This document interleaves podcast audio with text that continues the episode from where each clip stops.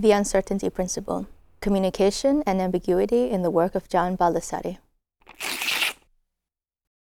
The piece was done uh, with a body of uh, text and text and photo pieces that are, uh, some of which are in the show.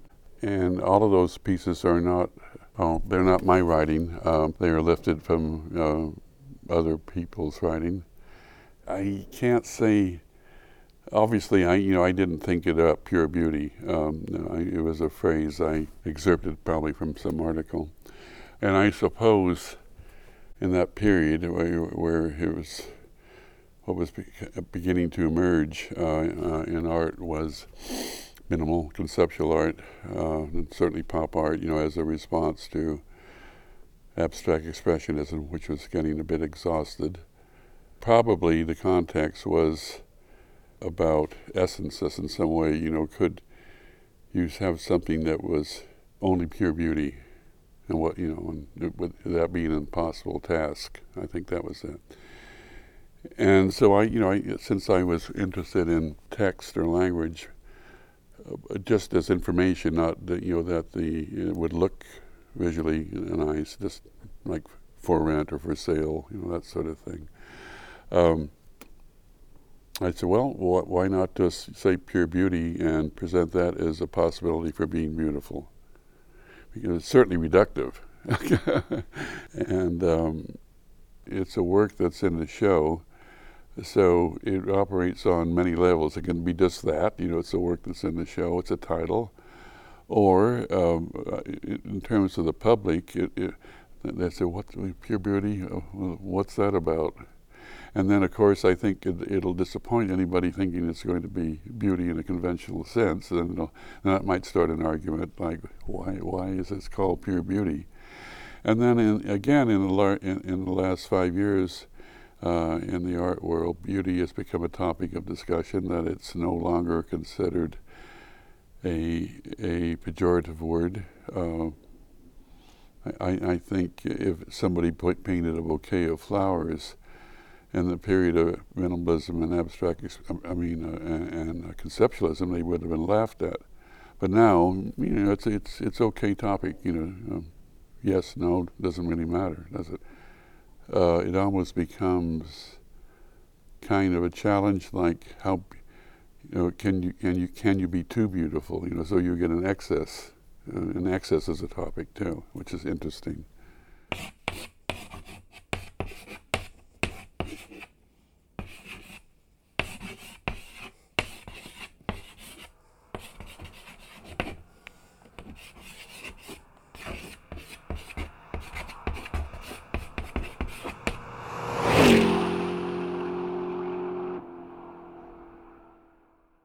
high and through uh, undergraduate, I was had a darkroom. I was you know developing my own pictures and really kind of into it.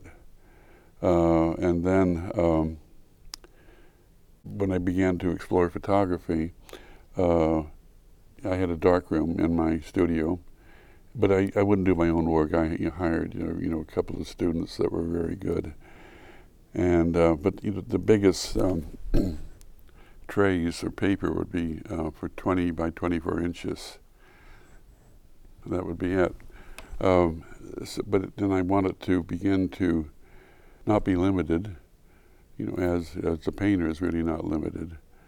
Uh, so I found a place in, in um, Los Angeles that, that did um, large scale photography for uh, the movie industry, advertising, that sort of thing and they could print up to um, uh, about six feet, and they had these huge tanks, you know, developer, and so I mean it was quite an amazing setup. Of course, the problem I had, you know, when you're doing it for advertising, um, they don't have to be quite so particular about the quality because you're seeing it from some distance. But there was a guy there, one of their, their the technicians that he his you you know understood art was kind of an artist on his own, and so if if I th- if things were not right, he would reprint them. Which, you know, you lose money that way, but they, you know, I was, you know, but I became a good customer, so I suppose it worked out in some way. And then, um, you know, I told people in Los Angeles and Europe and uh, and New York, and be, they began to get more and more artists as customers uh, until it became, you know, a really good part of their business. And I guess you know similar things were happening, you know, with in, in Dusseldorf and Cologne with photography too. And now, of course, with um, what we call dry photography. Um, um, uh, actually, I, in my own studio, we produce a lot of the pieces. We have uh, we have uh, printers that go up to four feet, a little bit more than four actually, maybe 50 inches. And um, I think uh, of the movie industry, there just in them having to do s- stage sets and so on. There's all kinds of facilities for making props. A lot of props, of course, are photographic, but you don't know it. You know, it's two dimensional rather than three dimensional, and uh, so, and it's it's also helped uh, a, lot of artists that work in sculpture. Uh, to, to, kind of uh, from uh, Paul McCarthy, uh, Mike Kelley. Uh, you, can get you can get anything made there, and and then there's one big place I've even used that works for Jeff Koons and Claes Oldenburg and and and Ellsworth Kelly, and so more and more artists are going to industry to have their works produced. And it's nothing new. I mean, it, it, I think it first started with um, Donald Judd, who would just simply make drawings and then have them fabricated. I'd always been interested in in uh, found photography, or now we call it appropriation. And why? I, I think it's because I wanted to escape my own uh, taste. And why did I want to do that? because I was very distrustful of beauty. and and the more you, the more art you do, the more beautiful you become. You can't help it. You, you just get better. And I wanted to escape that. I don't know. Again, the reason why, then you have to talk to my psychiatrist, I suppose. uh, but um, actually, a student of mine said that something I had said to him years ago was, I told him that the worst thing about photography was the viewfinder.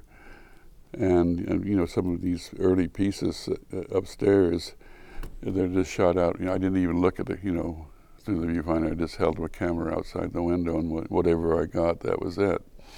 And I remember also too, I would, nobody would know this, but just as an exercise for myself, I would set up my camera on a tripod if I was photographing something, and you know, compose it beautifully. And then, without looking, I would just move the camera over the foot, uh, foot and take the picture. I'm just to work against myself. uh, so, um, I would go to photo processing houses and go into through their trash, uh, you know, books, magazines, anything.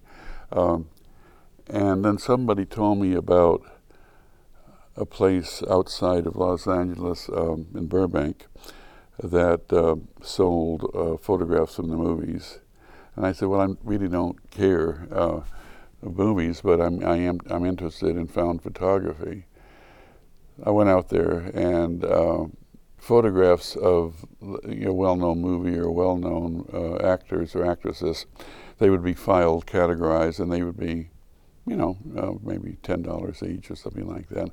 I wasn't interested in that, and so I thought, okay, well, a wild goose chase. They said, well, yes, but we have these big bins. It was like that, that tall of photographs we don't know how to categorize.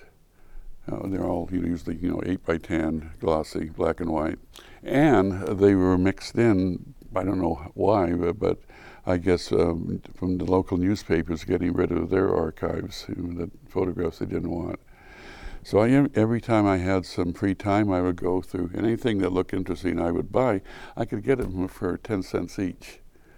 Uh, and then I began to try to find a way to file them so you know, my tables, I would begin to say, well, this one here, the, you know, trying to make groups. And the, interestingly enough, the two large categories were either about violence or about love scenes, pretty, you know, pretty classic.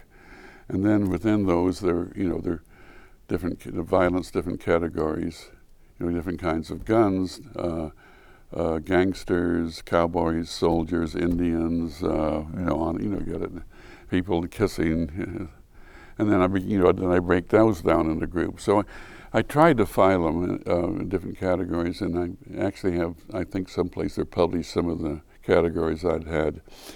And I realized, of course, any one photograph, there may be a hundred ways you can file it because, let's say, if you have somebody kissing and there's a, a cup in it, you could file it under cup too, couldn't you? You see, so now I just sort of have it in my head, uh, and uh, and I, you know, it, I just love going through photographs and looking at them again, and I get chance encounters between photographs, and you know, I say, oh, that's you know, kind of interesting how those two photographs go together.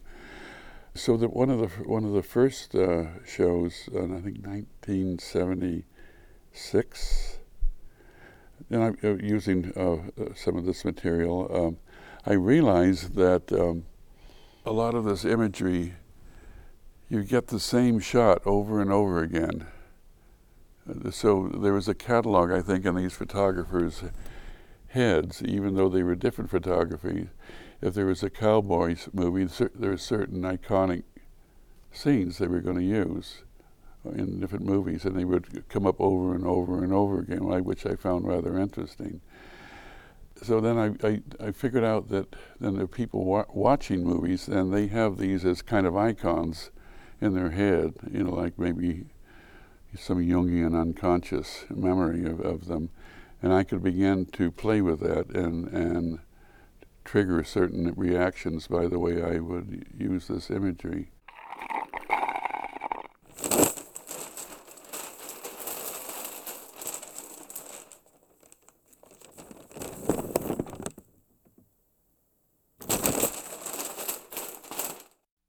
One of the essays in the catalog for the retrospective is written by a former student who became a very famous artist, uh, David Salle. Uh, and, and his his whole article was about myself and, and Godard, and he said I told him that the the best artist working right then was Godard, not not a painter or a sculptor. And I, I can imagine saying that. Yeah, sure. I was interested in in in movement and flux, sequence, and I think that's why I Godard interested me because of jump. You know how he used a jump cut and the similar material and colliding against each other, and it was that's what interested me. I think one one central concern of my, my uh, in all my work has been or removal. How much can I remove? And uh, an, another old student of mine, Matt Mullican, said he, uh, advice I'd given him was keep, on cutting the fat off your work as much as you can, getting rid of anything excess. Uh, to, to, to the point where when, you know the patient might die, but then you stop. and and then somebody I taught with, uh, you know, Nam June Paik, the uh, you know uh, video artist, I taught with him for a while. He said, John, what I like about your work is the things you leave out, uh, which is very, very interesting comment. and uh, uh, yeah, I, I, I, depend upon a lot about the intelligence of the viewer. Uh, that uh, and and I and I also try to disrupt the hierarchy of vision. Let's say, uh, for instance, if we're looking at people we normally look at their face, uh, and maybe the least interesting would be their, I don't know, maybe their foot or feet or whatever, I, God knows what. But I wouldn't talk with you like, you know, looking at your foot like that. But, but if I had an image uh, just of shoes or feet, and that was it, you, you would figure it belonged to a person. You could you could fill it in. So I, I depend a lot about, about on that. If if I remove something, uh, then somebody will put it back in, for, and I can play a game. And then about uh, uh, juxtapositioning, um, I think that came about my experience as a painter. Paintings are usually a semi- single image, of course, if you go back in the medieval painting or Renaissance, you're going to have uh, diptychs and triptychs and so on. That I found that rather interesting, and then all of a sudden it vanishes. Um, um, um, and I think also, as a, single image, I somehow find annoying to me because it somehow is presented as a single truth. Um, and a New York critic, Lucy Lippard, was an old friend of mine. She said, One of your favorite phrases is on the other hand. So I'm always saying, well, yes, but then there's this. so, um, yeah, and I think she's right about that. And I, I think, I mean, this by itself, yeah, that's there it is. But if I put it, let's say, you know, next to this, then you try to make a connection, and I'm interested in that. It, it has to be a plausible connection. It, it can't be too easy if I put this next to another cup or next to a, a spoon. You know, it's a little easy.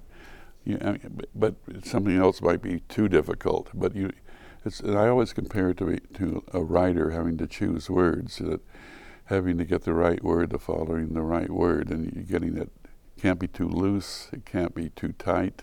It just has to be the, the right combination of words. And I think I'm so interested in language that I, I, have said before that an image and a word, I, I consider them equal in value. So, you know, one way you could look at my work is as a piece of writing, possibly. I don't know. And, and looking at the imagery syntactically like you would uh, look at a sentence, possibly. I think art is a dialogue with other artists, with yourself, uh, with the spectator, uh, but it is, you know, back and forth. You, uh, you can't uh, be what a closet painter, let's say, uh, artist. Something I think I've learned, because I've taught for many years to support myself as an artist. How, you know, ways of communicating, and I think the worst way of teaching is to lecture because and you I'm sure you've had it too, you know, the professor that comes in at you know at the hour comes in at the podium, opens his notebook and this begins reading blah blah blah blah blah and a few slides, end of the hour, boom, walks out. Has anybody learned anything? I don't know. You could read his books and maybe get this as much. But I think to really teach, it has to be you know, where you, well, I always call it you have to see the light in the person, the student's eyes, that they really understand what you're saying. And if you don't see that, you you haven't communicated in any way. And one device certainly is ambiguity. You can suggest something, and and you can see their minds beginning to work, and said, "Oh yeah," and then they'll say what you were just wanted them you were going to say to them, but it, but it's their idea, you see, which is very important. So yeah, I think ambiguity is a it's a good tool. One of my principal principles uh, is that art can't be taught. I really don't think it can be taught, but if it's going to be attempted, you should set up a situation where art conceivably could occur and I think this means having re- real practicing artists in that ambiance, not uh, teachers that are paint now and then, but real real artists. So the students can see that art is a very human activity, that it's not done by um, geniuses, that you, you know what they see in museums and magazines and galleries are done by real people uh, and, and sometimes they're pretty stupid, but you know now and then they do some good work. but so that gives students confidence. That's number one. Uh, and uh, then, you know, I, I think I would work very hard getting stu- getting students to be able to be articulate about what they're doing. Like, well, you know, why did you use you know that color here? And oh, I don't know. Uh, well, come on you made a choice. Now, why did you make that choice? You know, and you know that sort of kind of Socratic di- dialogue. So that's number uh, two, I think. And then, for me, I you know I would never dictate. You know, you know that's why I like ambiguity. Uh, but my idea would be almost like a lawyer trying to get them to discover uh, uh some what they're getting at and trying to you know clarify what they're really interested in. And, and I've never uh, considered students students I've always considered them young artists. And that gives them courage too that you know I said listen only difference is I'm older you're younger uh, and maybe I can help you from reinventing the wheel. Uh, you know that you think you're the you're inventing the wheel, but you're not, and maybe I can help them save some time.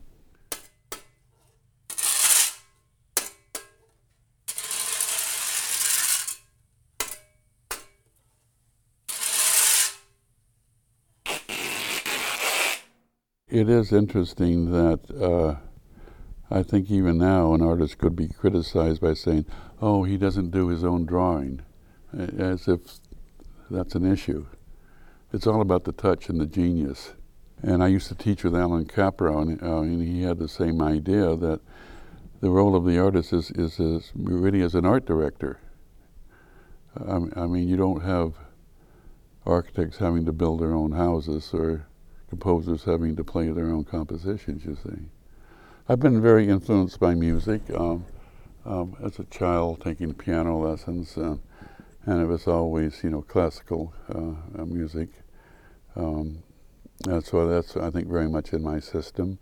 Uh, I've been fortunate in, in the, uh, first at the University of California in San Diego, and then at Cal Arts, uh, be, to, to, be close to very good music departments with very good composers. Uh, so I've been I've been very much um, influenced by uh, you know John Cage uh, would often be teaching um, people like that. And non-Western music at Cal Arts, we had Ravi Shankar on the music faculty, and you know that that influenced me a lot. Where you, have music with no beginning, no end, you know, no high points. It's just you know pretty much like drone music. So the whole idea uh, you know, of working in, in time and working with sound, I, I, I think has been very influential upon me. And uh, especially uh, very influenced by John Cage that there's not music and, and not music. You know, they should just listen, you know, to everything. And I, you know, I, I think about that a lot. You know, I, I look at everything, and there's and I, one of my games is is that what, well, why isn't that? Can't, why can't that be art? Why can't that be art? Why can't that be art? And it, it's uh, a good exercise. I don't try to be ironic. I don't try to be sarcastic. I don't try to be humorous. I guess that's just the way I come off, you know, and it's the way I understand the world, and I can't control how I'm, uh, you know, I'm received. I, you know, I, I, this, you know, this about humor. I, that comes up quite often. I, I said, if I were trying to be humorous, uh, I, I, would do things differently. A, a close friend of mine, uh, William Wegman, uh, you know, working with his dog, uh, and he's very funny, uh, but he tries to be funny. and uh, you know, I, I I don't know if I could be. I, I think it's just because it's a certain way I understand the world, and it just comes off that way. I brought up yesterday at the press conference that uh, a favorite author of mine uh, you know, would be Cervantes, and certainly one of the fathers of the modern novel. And his, you know, disjunctiveness, you know, you don't know whether he's, he's tragic, he's humorous, you don't, you don't know. And, and, and, and again, it's the, I guess it's the ambiguity, isn't it, that I like. I think that's more my approach.